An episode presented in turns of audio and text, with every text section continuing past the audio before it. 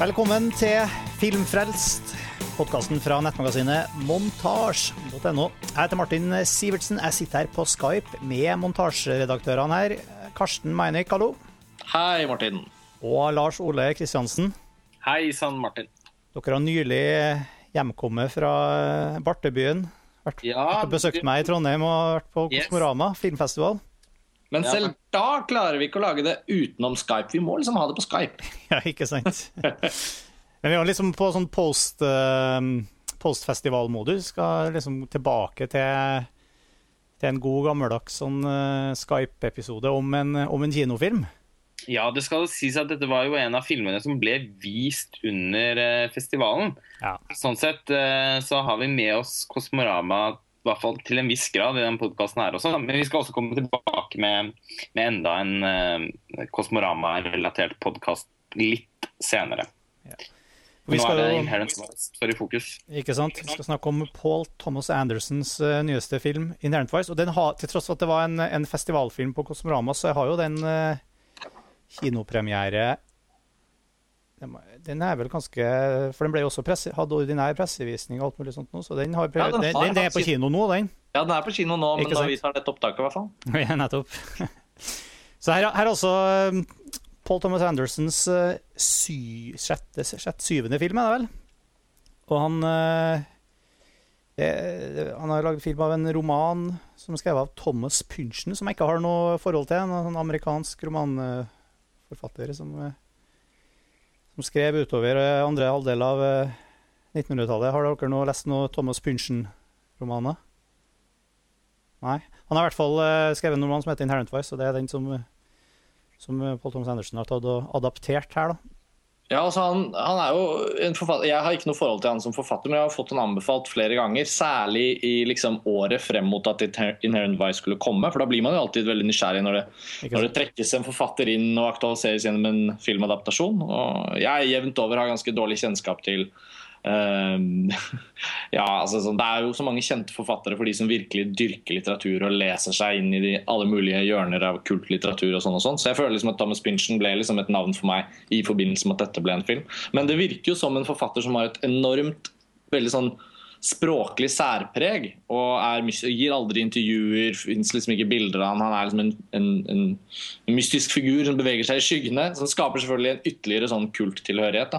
Um, men uh, det passer jo veldig godt med Paul Thomas Anderson, da, som også er en, films ja, som en kunstner, altså filmskaper i hans tilfelle, som, som også har en sånn veldig sånn klar og tydelig stemme. Og som er veldig allsidig. I, virker som han også er veldig sånn allsidig i, i valg av tema. og altså nå, Tar for seg masse forskjellig Han er liksom ikke ens, enspora i det han holder på med. Det er jo Men, men her er også med, med, det, med det sagt så er jo Paul Thomas Anderson her i Inherent Vice tilbake til, til nesten i, i Boogie Nights-settinga. Tilbake, tilbake på 70-tallet, i hvert fall. Og har, uh, har laga en skikkelig eh, skulle til å si et tripp av en uh, film som er som, uh, som er da satt til 70-tallet i hippie-æraens eh, Hva skal vi si eh, hippietidens so- solnedgang med Han har Joaquin Phoenix i hovedrollen som eh, en privatdetektiv som er konstant stein gjennom filmen. Um, er, og de, de fleste andre rollepersonene er også rusa på forskjellige måter. og, og um, det preger jo mye av det her som til syvende og sist er en slags eh, jeg vet ikke, jeg skal kalle det en pastisj på film noir satt i, i 70-talls eh, um, koloritt, kanskje. Det er Josh Brolin er med her. Det jeg syns var en kjempekul rolle som en eh, politimann. Politimannen Bigfoot. Ellers er det en del Owen Wilson, Reece Witherspoon, eh, Benicio del Toro, ikke minst han har liksom fått med seg et litt sånn galleri av skuespillere, kjente og, og, mindre kjente. og Det er jo fantastisk mange rollefigurer her, og et plott som, som er nesten meningsløst å prøve å oppsummere. Men det går an å si hvordan det begynner, i hvert fall. Um, det begynner jo da i, i det et Los Angeles-basert uh, skal vi si, stykke. Det her hvor, hvor uh, det begynner i sånn klassisk film noir-start, hvor det kommer en femme fatale inn på kontoret til privatdetektiven, og privatdetektiven er da den her Joaquin Phoenix-karakteren Doc, da. Og uh, hun Den uh, ekskjæresten hans som kommer inn, en, leverer en usannsynlig og innfløkt historie som uh, ganske snart får Doc inn i et slags sånn, forsvinningsmysterium som man må begynne å nøste opp. Og det blir bare umiddelbart fra første stund så blir det bare mer og mer uh, komplisert og innfløkt både for hovedpersonene sjøl og for oss å henge med på som, som publikummere. Og, og, så tar det liksom bare av derfra i en slags jeg vet ikke, en slags grøt av en film, eh, vil jeg nesten si. Jeg vet ikke, det, det, var min lille introduksjon. Men hvordan stemmer det med deres opplevelse? Jeg har jo sett den nyligere enn dere. Ja, uh, Nei, jeg syns det var egentlig en ganske god beskrivelse. Ja, absolutt. Jeg, jeg, tenker jo litt på hvor, hvor, Paul Thomas Anderson er også, som filmskaper. Ja. Uh, hvis man ser tilbake på den forrige filmen hans, som vi også har en episode om på The Master. The Master, ja. Mm. Så var jo det også en film hvor man begynte å føle at OK, nå Dette er liksom Den er jo ikke bare bare å ta for seg. Og den har, eh, den har ganske kompromissløse Hva skal man si liksom sideforskyvninger nesten i plott og tematikk. Og den har et veldig sånt sånn uh, Du snakker om nei, The Master nå?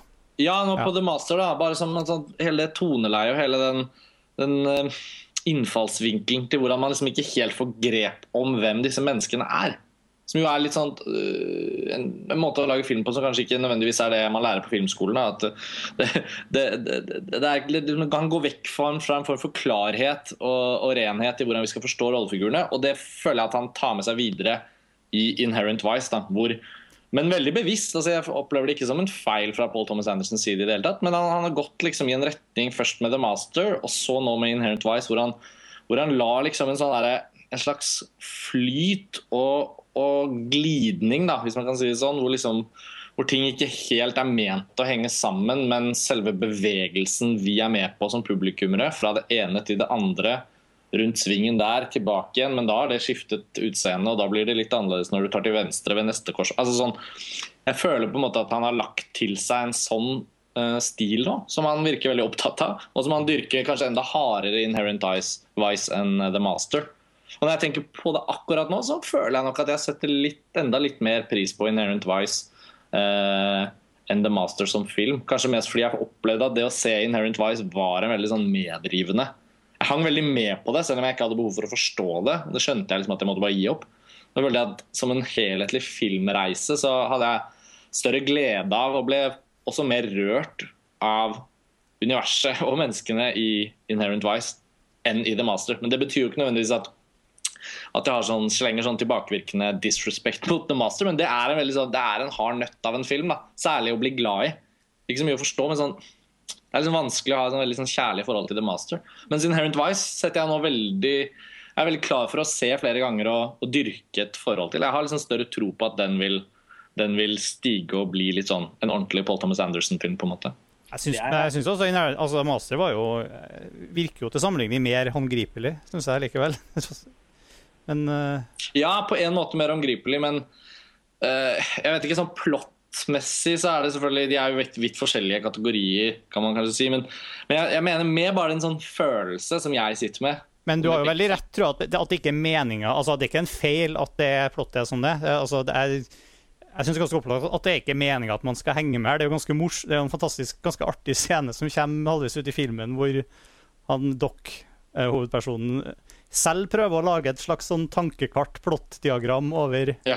over, filmen. hvor det bare, Han sitter jo liksom og prøver å skissere på en tavle akkurat det vi som publikummere prøver å sitte og knytte sammen i hodene våre. Så, og det, det, er jo på en måte helt umulig å, å henge med. og Det, det tar jeg som ja. et sånt, ganske sånn åpenbart uh, bevis på at, på at, nei, det er ikke bare, han har ikke bare rota med manus her. liksom.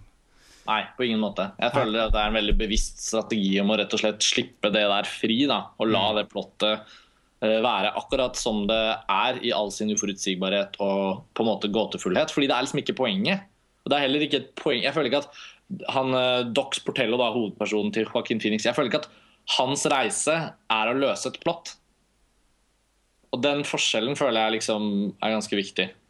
I hvert fall for å ha glede av det han uh, er med på. Og jeg, jeg hadde litt uh, bange anelser i forkant. Lars Ole, vi snakket jo en del om det. At man fryktet at det skulle bli en ny sånn Joaquin Phoenix eh, som mumler seg gjennom noen greier. Og, Og Ja, overspiller den såkalte mumleautentisiteten såpass at man blir helt distansert fra han. Men jeg ble faktisk ganske positivt overrasket over hvordan han fungerte i denne filmen.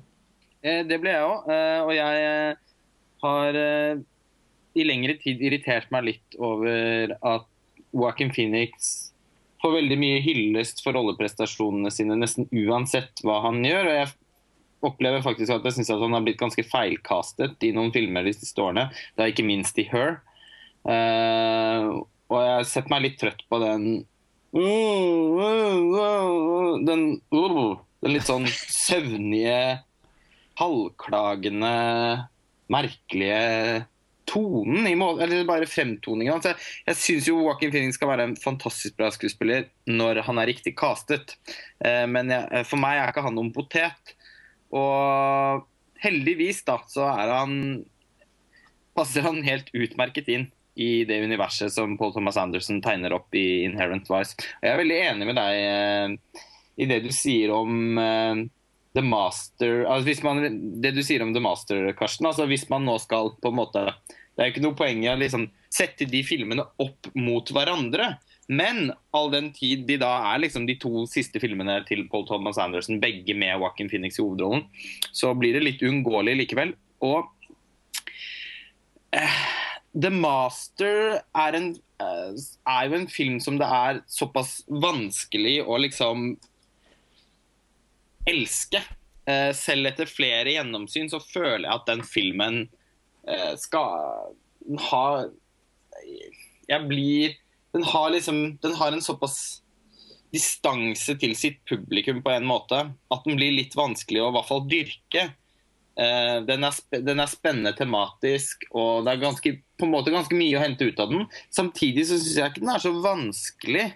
Uh, i hvert fall ved gjensyn så føler jeg at filmen på en måte også kanskje inneholder litt mindre enn hva den gir seg ut for å gjøre. Inherent Vice derimot føles mer som Ja, der er jeg virkelig spent på hva man kan finne da, på sikt. Fordi filmen i sin litt sånn I den litt sånn hasjrusaktige tonen til filmen, så er det et veldig sånn uh, Det er noe veldig fornøyelig, rett og slett, over uh, måten han velger å fortelle filmen på. Selv om det ofte er veldig vanskelig å, å henge med og, og, og forstå altså, hva slags fortelling det egentlig er snakk om. Det er jo litt som det er veldig mange som har sammenlignet den med The Long Goodbye til Robert Alt, uh, Altman. Meget presis sammenligning. Det er jo også en film der hvor fortellingen på en måte faser litt ut. Og, uh, og hvor opplevelsen av å se filmen handler om noe, noe annet. Uh, og og sånn opplever jeg det veldig med Inherent Vice. Og samtidig som at, det, som at filmen er veldig sånn Den er samtidig veldig sjenerøs i sin Det er som om Paul Thomas Anderson har hygget seg veldig med å lage hver eneste scene i filmen. Den er, jeg nesten si den er fråtsende. Ja, og det følte man ikke med The Master. Der var det som om hver scene var sånn oh, Enda en gråstein. Eh, kjempeflott, da, selvfølgelig. Men eh, det skal bli spennende i hvert fall å se Nå har jeg da bare sett Inherent Vice én gang, og jeg syns faktisk det er veldig vanskelig å snakke om den.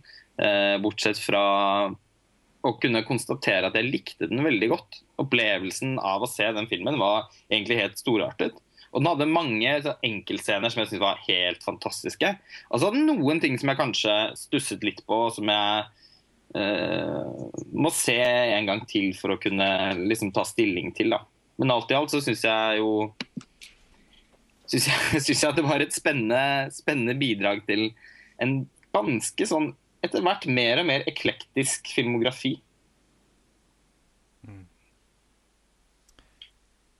Ja. Jeg, jeg, det er jo Jeg vet ikke om vi har liksom har Det virker som vi er ganske At vi i hvert fall ikke misliker filmen. Og kanskje noen liker kanskje bedre enn dere sier dere liker det bedre enn The Master til syvende og sist, kanskje. Ja, det, for, det, det, det, kan jeg ikke Det vet jeg ikke helt ennå. Men jeg kan ane at, uh, at det kanskje blir en film man får et litt kjærligere forhold til. Mm. Den har jo veldig mye sånn potensial i seg eh, til litt sånn til å være en film som, er, som har høy gjensynsverdi og, og mye litt sånn kultfilmelementer. Den har jo litt den derre Big Lebowski-greia, for den er veldig sånn det som er av underholdningsaspekter og humor, er jo veldig mye av det er jo basert på eh, veldig litt sånn eh, gode rollefigurer. Sånn karakterbaserte, over sånn karikerte rollefigurer med, med sine eksentriske ting. Og i, selvfølgelig i, i ganske sånn uh, sprudlende scener også, men at det er sånn den, det har, liksom, har det i seg å være en slags sånn, sånn kultfilm, eller i hvert fall slags potensial til det. Um, nei, jeg er litt sånn um, Ja, det er litt tidlig å si hvorvidt den liksom vil sette seg som det. Um,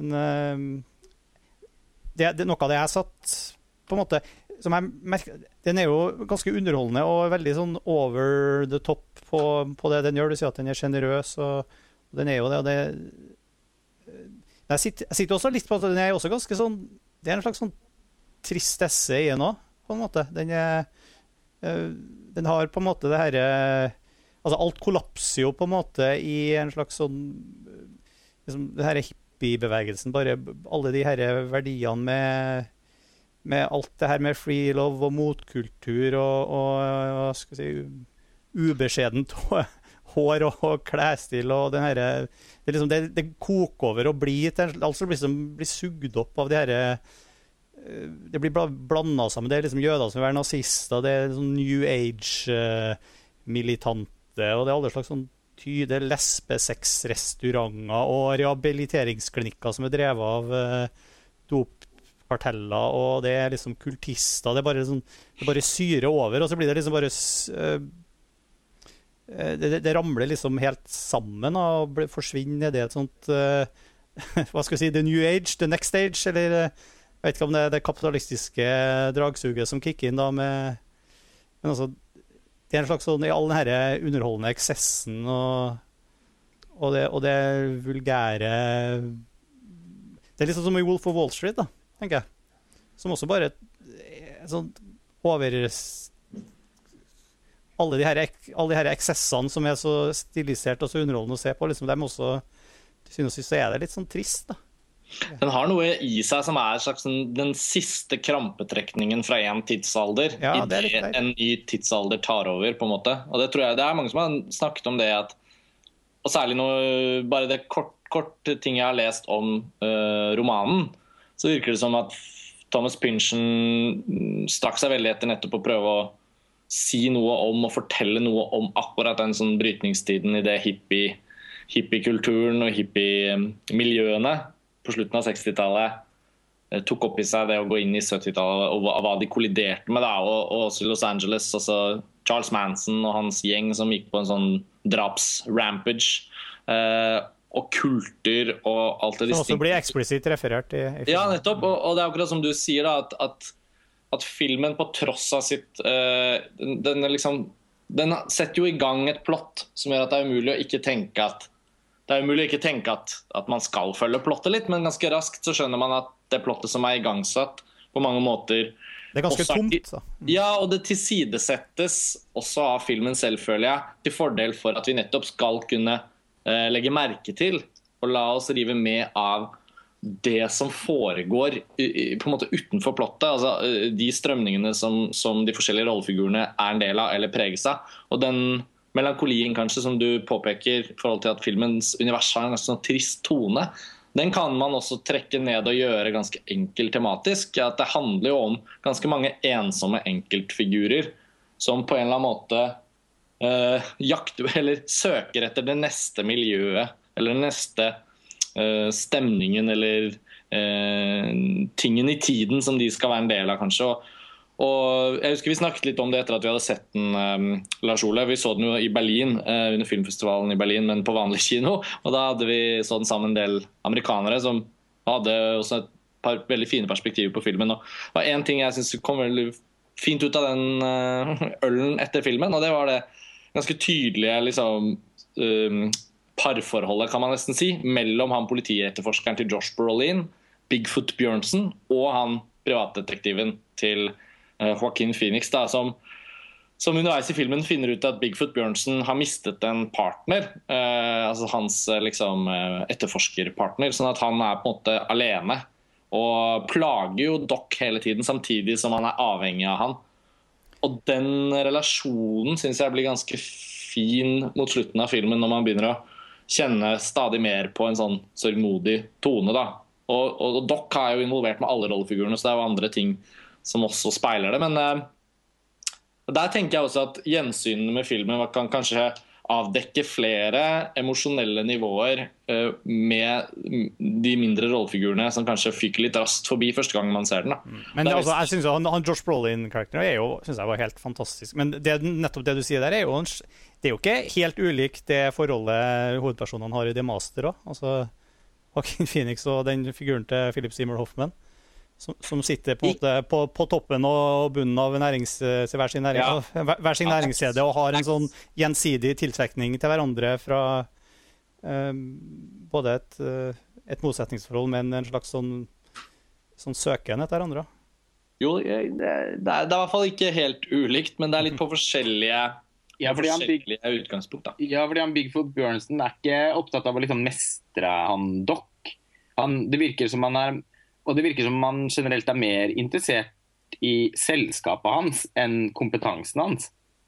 Fordi han ser jo, han ser jo på en måte ned på ham på en litt sånn kameratslig måte. Um, og det kan man jo kanskje også si om, om, uh, om de to hovedkarakterene i The Master, men det var liksom ladet med noe litt annet. Men jeg ser absolutt koblingen.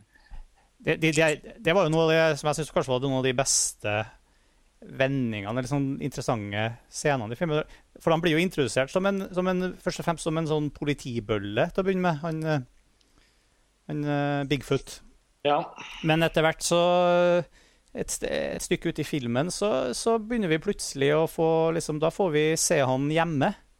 Mm. Og med hans familie, og plutselig blir han en slags uh, uh, sårbar hovedperson, han òg, som man, man begynner å bry seg for på en annen måte. Og det var en veldig sånn ja, Jeg syns det var en veldig fin, eh, fin vending der. Han, han, spiller også veldig morsomt, men også veldig sånn Det ble en, en fin rollefigur ut av det, syns jeg.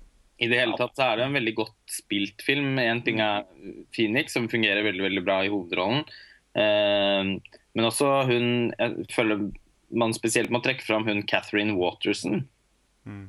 Som, eh, som vi også så i en annen film eh, i Berlin. Queen of Earth? Ja. Til Alex Ross Perry. Og som stjal den filmen litt opp på mange måter, med bare hele sin tilstedeværelse og, og veldig sånn hun, hun, har virkelig noe, og jeg syns at hennes Jeg syns egentlig av relasjonen mellom hun og Doc i i Inherent Vice er kanskje virkelig inngangen til å hente noe emosjonelt ut av filmen. De har spesielt én scene sammen som er helt fantastisk, skutt i én tagning. Hvor de ender opp med å ha sex.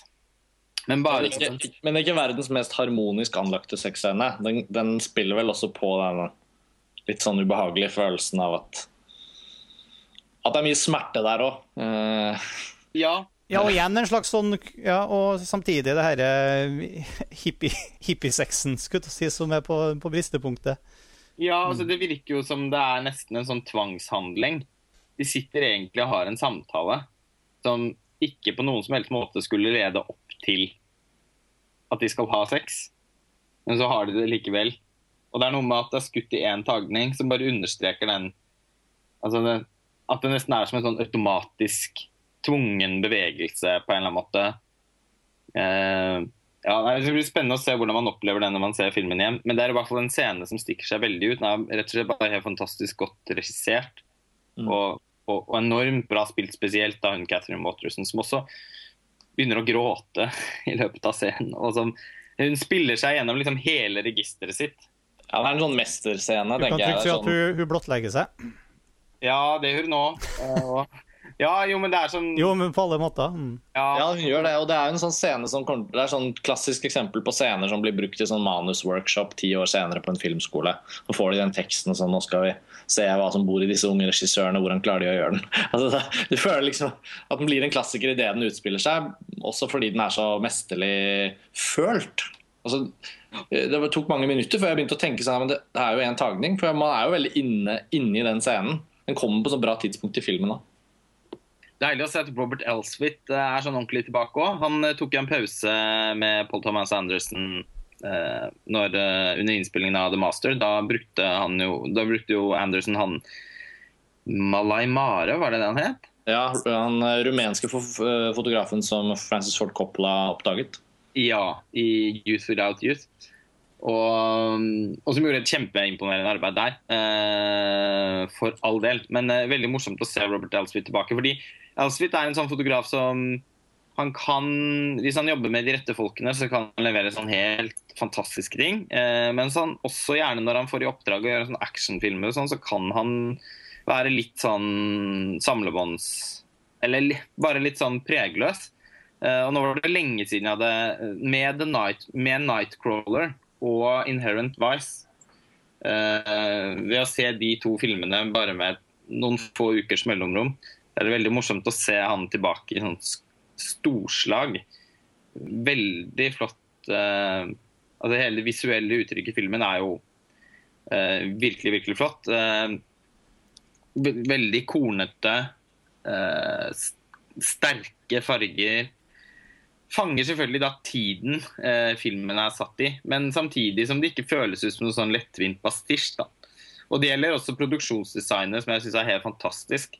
Eh, som hele tiden liksom er med på å uttrykke følelsene hos, hos hovedkarakterene. Og, og igjen også da uten bare å bli liksom Det er ikke sånn Jeg føler ikke at, at, at det bare skal understreke perioden filmen er laget i.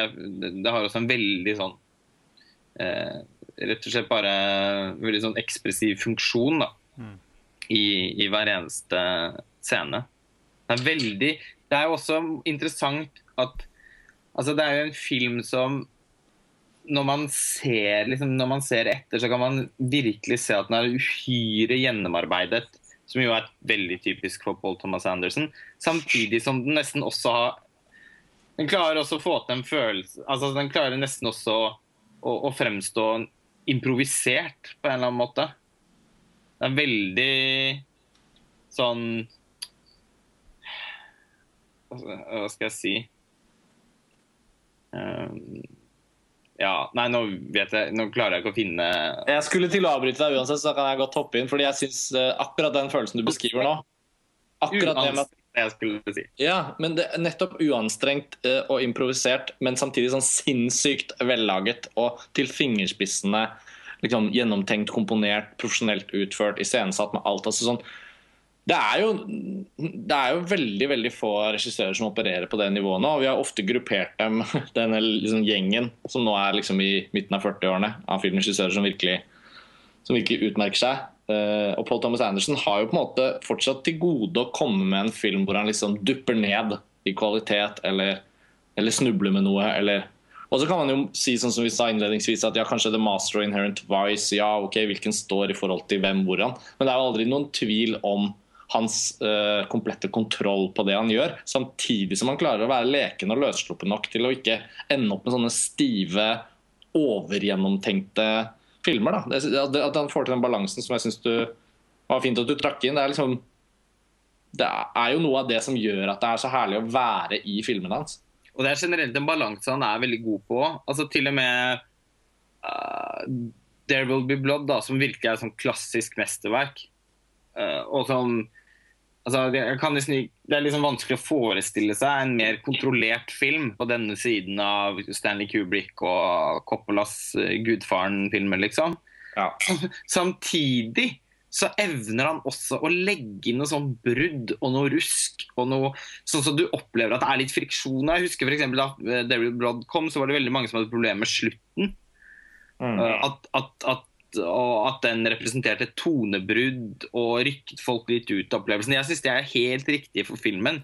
Uh, og jeg syns alltid han er veldig god på de her uh, Ja, på de bruddene, rett og slett. Det, det, det gjør filmene hans ikke bare uforutsigbare som fortellinger, men også liksom filmskapingen er ofte rett og slett litt uforutsigbar. Det føler man, det føler man veldig så, også i Punch Drunk Love, som sikkert mange da den kom, tenkte å nei, dette ble den lille tåpelige filmen til Paul Thomas Anderson med Adam Sandler, og liksom nå er han rotet seg inn i nå. Og for hvert år som går, så er det jo bare tydeligere og tydeligere, og for meg, siden den litt er min personlige favoritt, eh, hvor utrolig langvarig nettopp den er fordi den slipper seg litt løs uten å miste den derre eksepsjonelle filmatiske kontrollen og oversikten som gjør at man føler at man liksom er i hendene på en mester. Um, og jeg syns jo på en måte Inherent Vice jeg, ja, jeg, jeg, Et par timer etter at vi har sett noe, hatt den lange samtalen, og nå som liksom det har gått noen uker, så jeg kjenner liksom For det første er jeg utrolig klar for å se den igjen. Det har vi jo allerede kommet inn på, at, at det er en film som man får veldig lyst til å se igjen. Men samtidig så kjenner jeg også at den har en sånn etterlater meg med en sånn følelse av varme for filmen. En sånn, en sånn Litt sånn at jeg føler jeg har fått en ny venn.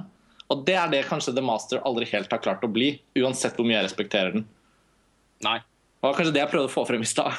At det handler ikke om kvaliteten egentlig på at han har laget en film på sin måte, men, men det handler om hvilken rolle den filmen får i ens egen oppfattelse av liksom, hvor de filmene hører hjemme. Da. Og med Paul Thomas Anderson på syvende filmen nå, så blir det jo en stadig større familie. Da, og med There Will Be Blood som liksom den den som gudfaren, på en måte. Mm. så, liksom, så, er det så fint å finne rom for de andre og se hvor de hører til. Og jeg har veldig tro på at Inherent Vice kommer til å bli en sånn sinnssykt kul fetter som du har lyst til å henge med ofte.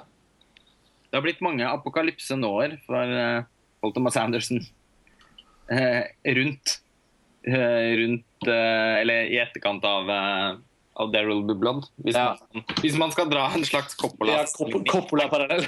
ja, det er ikke det at den nødvendigvis er så relevant. Da. Men, men, man har jo ofte Det er ikke få ganger i løpet av årene man har snakket om Daryl Bubland at man eh, i et forsøk på å liksom uttrykke man, altså sånn, hvor høyt man setter den filmen, og hvilke kvaliteter man tenker at den har, ender opp med å si den er liksom, Det er liksom å se Gudfaren. Uh, og det, er, det syns jeg jo faktisk det er. da. Det er ikke så mange, det, Men det har litt med filmens Ja, den har bare et uttrykk som eh, jeg tror veldig mange synaster eh, synes er uimotståelig. da. Mm. Det, det, lages jo ikke mange filmer som den. Og så kan man jo si at det lages ikke så mange filmer som, som Inherent Vice eller The Master heller. Så han han, filmografien hans Jeg er veldig enig i at det er, liksom ikke, det er egentlig ikke noe snakk om noe ups and downs der. Han, den bare utvider seg. Og, og hver eneste nye film er såpass mye Paul Thomas Anderson, men også såpass forskjellig fra noe annet han har gjort tidligere. At han Hans liksom, betydning som filmskaper fortsetter jo egentlig bare å øke i takt med, med ja, for hver nye film han leverer, så, så blir han jo egentlig bare enda mer spennende. Ja, jeg er helt enig. Og jeg tror, jeg tror hvis det er noen som lytter som har, har litt sånn vegring mot å, å, å, gå og se Inherent Vice sånn med en gang, for den har jo kanskje fremstått litt som sånn herre merkelig liksom, Ja, det der hippie-universet og privatdetektiv og trailerne er, jo ganske corny. Får det til å virke som en mer sånn tullete komedie enn det filmen egentlig er. Så må vi bare oppfordre folk til å oppsøke denne filmen på kino. for den for det, skal også, det har vi kanskje ikke kommet så veldig inn på, for den har ganske mye sånn intime eh, Ganske intimt bildespråk og iscenesettelser og sånn, men den er jo virkelig en, en eh, Som alle filmene hans, da. Den er jo helt opplagt en opplevelse for det store lerretet. Men fordi den også er, er, ganske smal, jeg tror ikke distributøren her hjemme har hatt veldig sånn stor tro på at den kommer til å bli en blockbuster, så er det jo nok en sånn film hvor jeg tror det er en ganske stor fare for at den ikke kommer til å gå så lenge på kino. Men med det sagt så tror jeg heller ikke den vil skuffe hvis du går til den og, og tror du får en tullete komedie etter å ha sett traileren. For, for den, den, den, funker jo også som det. Ja, men For oss er det helt naturlig å ta Paul Thomas Anderson-perspektiv på denne filmen. Det fins ikke noe annet egentlig perspektiv å ta. Men, men, jeg er helt enig at hvis man ikke hvis man bare i hermetegn er glad i å se film og ikke nødvendigvis alltid legger merke til hvem som er regissør, og sånn, så vil jo denne fremstå akkurat som det. En komedie som litt kan sammenlignes med The Big Lebowski, men som Eller Ford Fairlane. Ja, det, ja. Uansett, for meg er det to søkte Jeg syns dette er en utrolig mye bedre film enn de to, men uh, ja. Ja, jeg, jeg syns ikke I uh, hvert fall for meg uh, Så personlig så, så, fungerte ikke de trailerne spesielt bra. Jeg syns ikke de klarte å De klarer i hvert fall ikke å formidle at filmen har noe, noe mer utover eh, humoren og liksom villskapen. Eh, så jeg synes jo de trailer, Det er et sånn klassisk eksempel på trailer som reduserer filmen, synes jeg. Men det er forståelig i et markedsføringsperspektiv. da. Eh, og det er sikkert mange som har, flere som har lyst til å gå på, på, på kino og se en, en, eh, en litt sånn stoner-komedie. enn et uh, eksistensielt drama innenfor rammene av en slags vag stoner-komedie. Det, det er en både pose- og sekk-film. Ja, det er det. Samtidig som jeg også tror at mange vil tenke at den uh, Ja, at man på en måte får i pose og sekk, men at man kanskje også ender opp med å ikke få noen ting.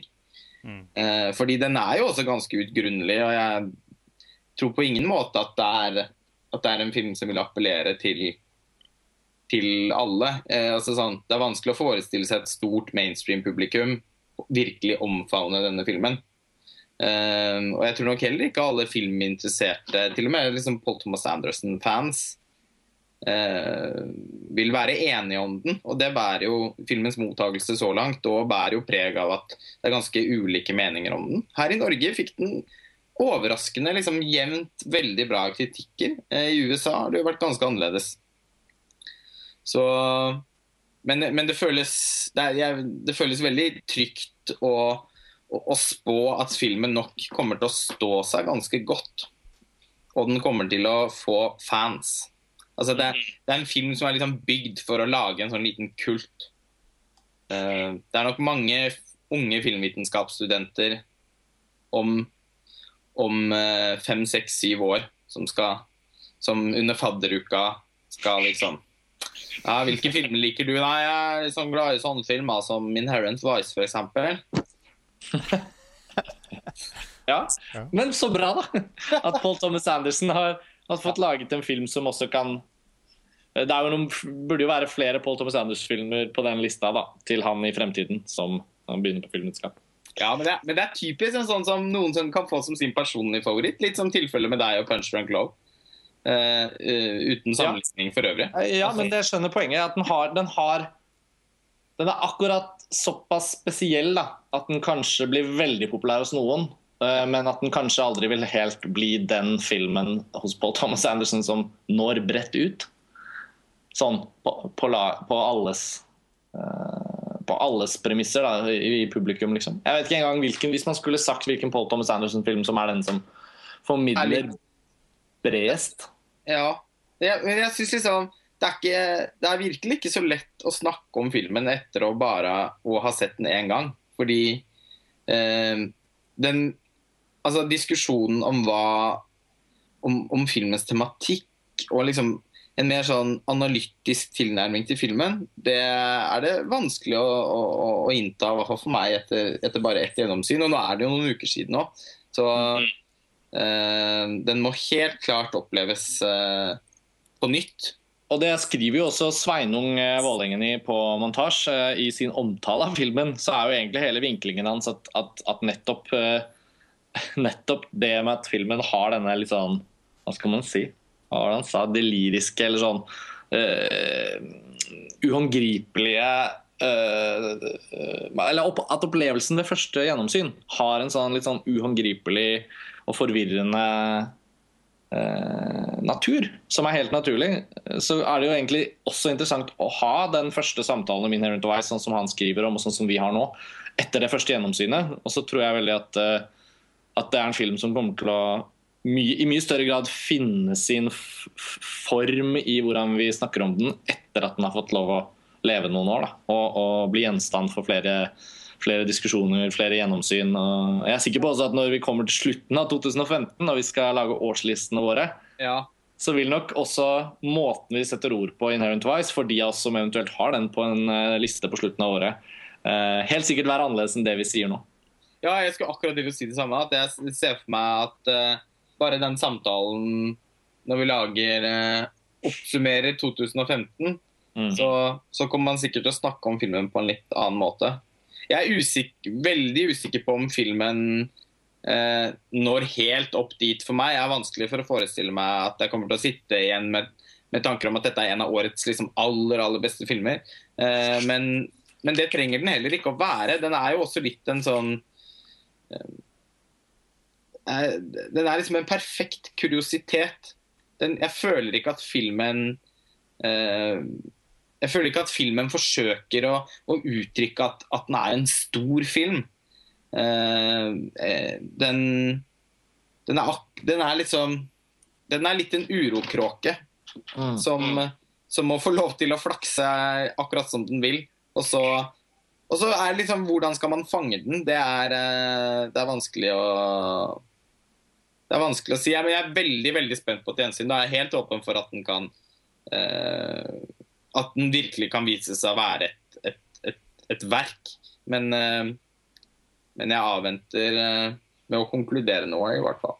Jeg leste en uh, lengre, et, slags essay i Morgenbladet om filmen skrevet av norsk-amerikanske norsk forfatteren Jon Erik Riley. Og han, og han konkluderer litt med at han er på gjerdet. Det er en ganske fin artikkel for øvrig. og han, han har ganske god kjennskap til romanen filmen er basert på. og Jeg kan anbefale folk å sjekke ut den artikkelen. Det er en av de få Morgenbladet-artiklene som også ligger ute på nettet. La jeg merke til. Men i hvert fall helt på slutten av artikkelen sin så skriver han liksom at Inherent Vice hyller oss inn i en bedøvende sky av filmatisk velbehag, men byr ikke på så veldig mye annet. Nei, akkurat den, akkurat den, den, forestiller meg at uh, vi viser seg å å, å være litt riktig. Samtidig så føler jeg at det, jeg vet, Kanskje har han sett den mer enn én en gang, men jeg har en følelse av at det er en veldig sånn uh, sann uh, gjengivelse av den følelsen man får etter å ha sett den én gang. Ja. Jeg, jeg, kjenner Magefølelsen min er at, er at, den vil by på veldig mye annet også. Og at nesten det er, der, det er nettopp den bedøvende skyen av filmatisk velbehag som mm. kanskje uh, usynliggjør noen av de mer underliggende tingene som jeg tror vi har vært så vidt inne på litt nå. At jeg syns den tristessen og de relasjonene som har ganske mye sårhet og fine ting i seg, de får man liksom ikke stoppet opp og observert ordentlig fordi filmens både forvirrende plott, men også da denne, denne bedøvende skyen som bokstavelig talt uh, tar form av evig inntak av uh, hasj, uh, som rollefigurene holder på med det er en eller annen sånn motsetning der. som jeg, Det er akkurat det jeg håper på at uh, gjensyn to og tre uh, skal kunne hjelpe til å, å, avdekke andre kvaliteter. Men dersom ikke de kvalitetene helt blir synlige, så blir det jo, da blir det jo også en interessant samtale om, uh, om det bare handler om en sånn en sky som ja. skal forvirre publikum. Jeg, jeg syns i hvert fall han, han setter ord på han, han klarer å sette ord på opplevelsen av å se den første gang, i hvert fall. Altså, ja, men jeg husker jo også at først, etter første gjennomsyn med The Master, så føltes også den litt som en sånn Ja, en sky.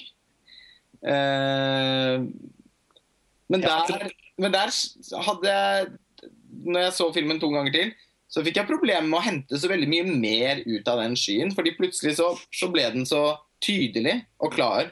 Og, og veldig sånn konsekvent i, i, i, måten den diskuterte tematikken sin på og da endte jeg plutselig opp med å tenke at, at, den, at det ikke var så veldig mye bak, bak tåken, da.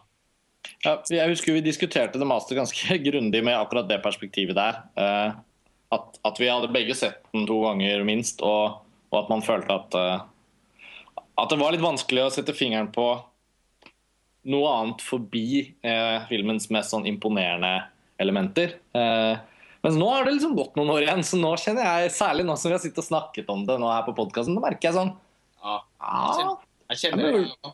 Mulig jeg må ta en liten ekstra titt på det masteren nå. Kanskje også i lys av Inherent Vice. Så, ja. jeg, jeg, jeg, vi... jeg, kjenner det selv, ja. Samtidig ja. Som, jeg også, som jeg også tenker at mm, men, men, et gjensyn med There Will Be Blood, det hadde jo Det hadde jo heller ikke vært så verst. Ja. Jeg så vel Punch Drunk Love for sånn syvende eller åttende gang her i høst. Ja. Det var jo bare, det var ikke noe planlagt, men så fikk jeg Og så var det Å, ja, det blir den. ja, det er en fantastisk film. Eh, jeg er jo helt eh, Selv om There Will Be Blood, som sikkert alle har skjønt, er, er min suverene nummer én eh, hos Paul Thomas Anderson, så, så er jeg veldig på ditt lag angående med hva gjelder Punch Drunk Love. da. Jeg synes det er, det er nok på en måte den absolutt mest undervurderte filmen han har laget. Ja, det, er, det, mener jeg er helt åpenbart. Altså, mange trekker jo frem debutfilmen hans 'Hard Date', men det er fordi at det er så få som har sett den. og at det liksom, åh, har du sett den? Men den er jo virkelig bare en, en, en fin debutfilm. Men den har jo ingenting å stille opp med i forhold til hva han har laget senere. Um, ja, men Av de andre filmene så er liksom den uh, The Master for eksempel, føler jeg kanskje er litt overvurdert. Uh, uh, Boogie Nights også.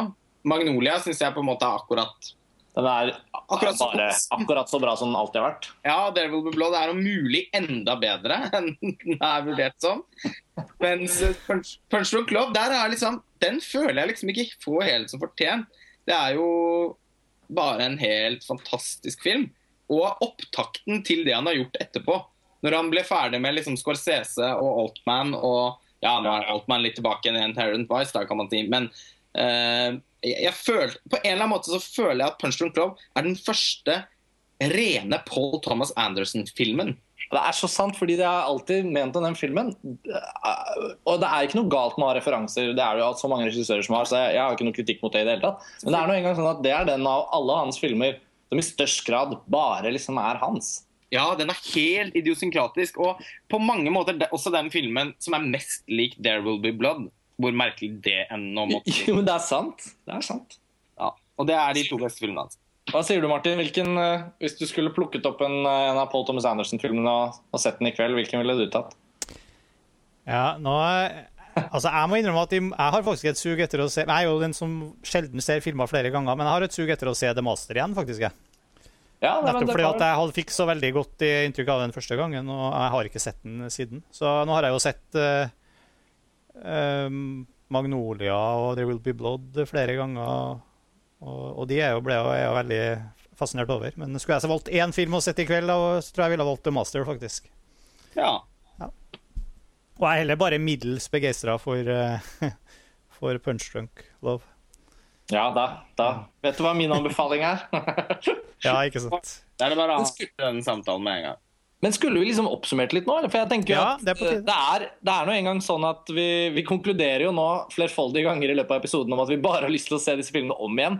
Ja. Og da De ytterligere innsiktene må kanskje spares til en fremtidig anledning. Jeg tror nok jeg skal vente minst et år før jeg ser Internet Voice om igjen. Nei, ja. Ja, nei, forhåpentligvis uh, bare rask som, Så raskt som mulig i min bok. Men, eh, men ja, uansett en varm kinoanbefaling, altså.